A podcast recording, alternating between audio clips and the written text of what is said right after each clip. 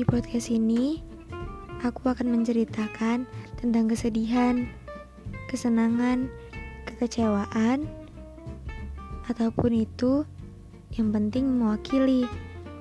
Tidak selalu tentang bahagia. Kesedihan juga perlu agar kita menjadi dewasa.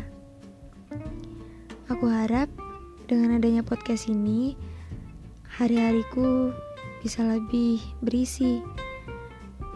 Kalau semacam dibilang gabut sih iya. Cuman aku hanya butuh ungkapan. Jadi mungkin di podcast ini aku bisa mencurahkan segalanya. Jadi untuk kalian hati-hati ya.